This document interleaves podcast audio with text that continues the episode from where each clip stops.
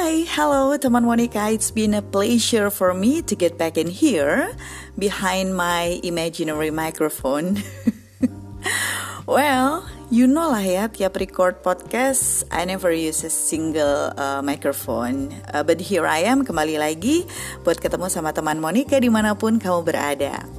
But before I talk about something today, I'd like to tell you that I changed the name of this channel Uh, jadi kita nggak lagi pakai nama Human Relations. From now on kita pakai nama Monica Talks. Alasannya sebenarnya simpel ya. I wanna be more uh, personal aja ketika menyampaikan sesuatu menggunakan channel ini gitu. Jadi semoga nggak masalah deh ya dengan nama apa pun, but at least dengan Monica Talks um, paling nggak aku bisa merasa lebih deket gitu sama kalian ya. Well, Teman Monica langsung aja deh kita di edisi pertama di tahun 2021 ini uh, untuk channel podcast Monica Talks. Sekarang kita bakal bahas sesuatu yang masih ada kaitannya dengan pandemi COVID-19 karena sampai sekarang kita uh, harus masih hadapin ya. Gimana nih buat kamu yang udah sejak Maret 2020 lalu menjalani physical distancing? Pasti tantangannya banyak banget ya kan? Nah, Kadang ada orang yang bilang kalau kita tuh udah berulang-ulang menjalani sesuatu, lama-lama akan terbiasa. So, apa ya? Yang awalnya kerasa berat gitu bisa jadi lebih ringan. Nah, are you agree with me? Are you agree with this saying gitu ya? Tapi nggak tahu juga sih uh, bisa setuju bisa enggak gitu ya but uh, mungkin benar tapi menurut aku ukuran berulang-ulang ukuran terbiasa itu ya tiap orang tuh akan beda gitu jadi sebenarnya you don't have to push yourself gitu kamu nggak perlu memaksakan diri kamu untuk bisa berhasil menjalani segala tantangan yang ada di masa pandemi ini sama gitu dengan orang lain soalnya perjalanan dan ketahanan orang itu definitely bakal beda sat, uh, antara satu dengan yang lainnya gitu ya. Nah berkaitan dengan itu, kali ini aku pengen bahas tentang kuliah online di masa pandemi nih. We all know bahwa nggak mudah buat jalanin perkuliahan di masa pandemi, uh, baik untuk mahasiswa ataupun untuk dosen. Tapi nggak mudah bukan berarti nggak bisa dilakukan. Benar nggak? Ada satu hal sebenarnya yang berdasar and quite simple, tapi impactnya luar biasa dalam konteks pelaksanaan kuliah daring atau online learning dalam masa pandemi ini. Satu hal yang mendasar ini adalah permakluman teman Monica. Nah, uh, buat mahasiswa nih perlu banget untuk bisa memaklumi dosen dan perlu juga untuk memaklumi proses pembelajaran yang terjadi misalnya nggak sesuai sama harapan kamu teman-teman. Jadi misalnya nih ya uh, mungkin ada beberapa mahasiswa yang menganggap perkuliahannya nggak asik atau perkuliahannya nggak seru gitu karena dosennya dianggap gaptek nggak bisa menggunakan device atau teknologi untuk pembelajaran Mungkin ada yang seperti itu gitu ya. Nah, buat dosen juga sama nih sebenarnya. Butuh banget dosen untuk uh, provide permakluman ke mahasiswanya kalau misalnya performance mereka ini nggak memenuhi target seperti yang diharapkan oleh uh, para dosen. Jadi uh, kadang kita sudah uh, set target ya dan targetnya ini kadang-kadang kita set dalam kondisi normal dalam kondisi belum ketemu sama pandemi. Nah karena sekarang ini di masa pandemi makanya targetnya nggak bisa pakai target yang dulu. Nggak bisa pakai target yang di set ketika sebelum masa pandemi. Nah um, mungkin akan muncul masalah lagi nih teman Monica. Permakluman kan tadi kan ya hal yang mendasar dan penting tapi sebenarnya beneficial. Uh, Oke, okay, I know that permakluman itu konsep yang absurd gitu ya karena ukuran maklum tiap orang akan beda-beda. Again, karena kita hubungannya sama manusia ya. Manusia tuh kan nggak bisa disamakan gitu. Mereka kita kok mereka sih berasa aku bukan manusia.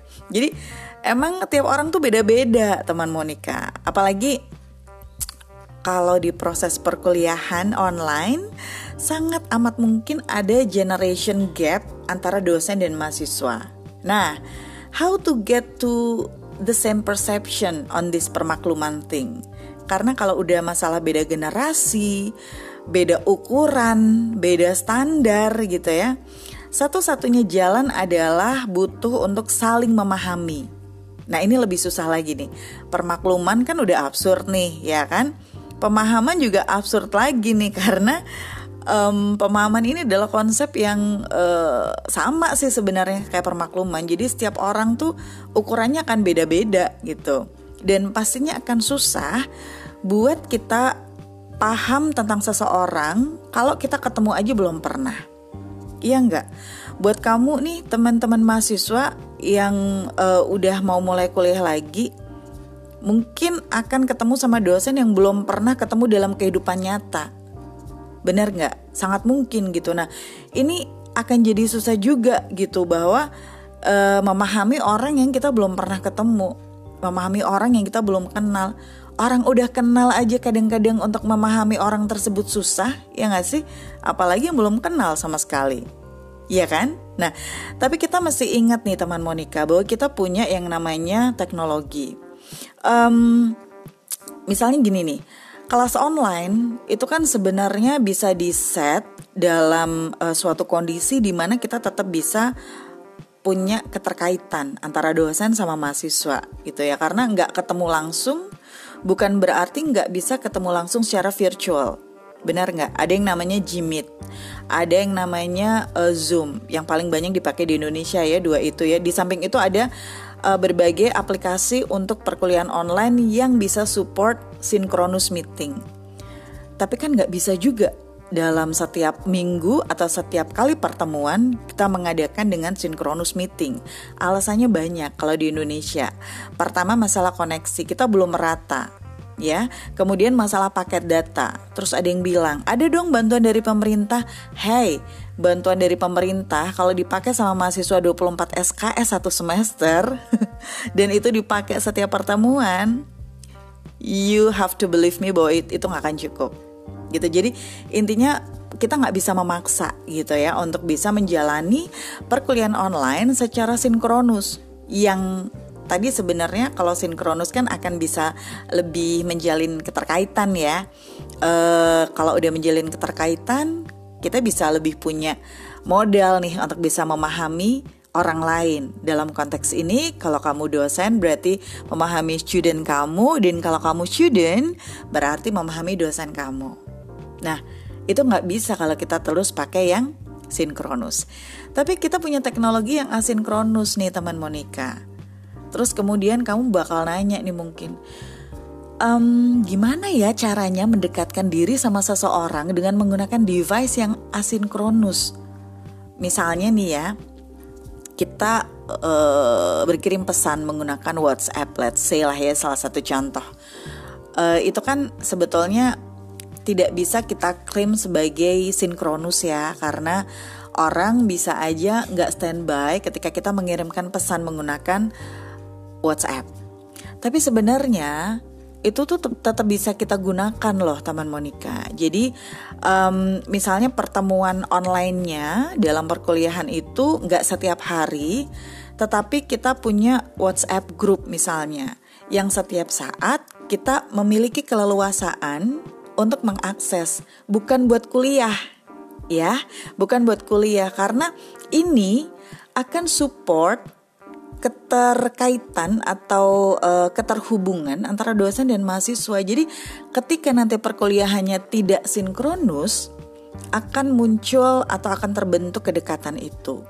Gitu. Jadi memanfaatkan device atau memanfaatkan aplikasi yang sebenarnya dia nggak langsung, tapi kalau dilakukan secara sering itu lumayan sih bisa gitu. Jadi tidak buat kuliah gitu ya. Jadi um, ini mungkin gak ideal. Ya kan? Karena yang ideal itu untuk bisa uh, deket sama orang tuh ya ketemu. Itu udah yang paling ideal deh gitu. Tapi karena kita sekarang di masa pandemi kita lagi ada physical distancing kita nggak boleh ngumpul-ngumpul lebih dari empat orang misalnya jadi apa pun yang bisa kita lakukan ya kita optimalkan. Sehingga challenge yang kita hadapi di masa pandemi ini um, betul-betul bisa kita jalani kehidupannya. Karena pandemi boleh datang dan we never know when will it ends. Benar nggak? Kita nggak akan tahu sampai kapan yang namanya pandemi. But life must go on. Kuliah mesti harus jalan. Tantangannya besar dan nggak gampang.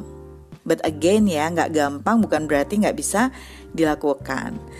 Kenapa sih penting banget untuk uh, bisa menjalin kedekatan dengan student dalam perkuliahan online? Karena for me perkuliahan is uh, not only about uh, delivering lectures, delivering materials gitu ya, tapi bagaimana um, kita bisa menumbuhkan rasa di situ.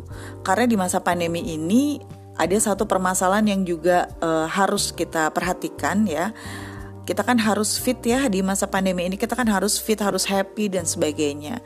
Nah kalau dalam perkuliahan yang kita jalani ini kita nggak happy, kita nggak seneng, kita nggak deket sama student, kalau kita dosen itu pasti udah deh uh, akan muncul permasalahan-permasalahan lain. Karena itu tadi kita menjalankan perkuliahan hanya sebagai sebuah alat untuk menyebarkan materi aja gitu. Nah, coba bisa direnungkan lagi ya, kamu yang adalah para mahasiswa udah ngeset belum nih permakluman dan saling memahami dengan dosen kalian? Atau kamu yang pengajar nih, apa juga udah menyiapkan persediaan maklum yang seluas samudra gitu dan coba masuk ke dunia para mahasiswa untuk bisa memahami mereka kalau misalnya belum, berarti bisa pelan-pelan nih. Coba uh, perspektif ini direnungkan. Uh, semoga bisa melewati pandemi ini dengan lebih baik, gitu ya. Well, I think it is all from me. Terima kasih buat kamu yang masih setia di channel podcast Monica Talks. Tetap sebarkan cinta untuk sesuma. Kok sesuma? Sesama. Oke, okay, once again ya podcast ini nggak pakai edit-edit. Jadi um, tadi mungkin kamu dengar radio suara motor lewat dua kali. I'm at my house right now dan uh, ada tetangga yang lagi pembangunan repelita juga. Jadi ada yang banyak seliweran di depan rumah. Uh, tapi semoga kapan-kapan deh ya, entah kapan I don't know, mungkin bisa bikin uh, konten yang secara teknis bisa lebih termanage gitu ya. Tapi I do really miss uh, you. Uh, jadi alhamdulillah sekarang bisa datang lagi menemui kamu lewat channel podcast ini. Saya Monica with K, not with C. Sampai jumpa.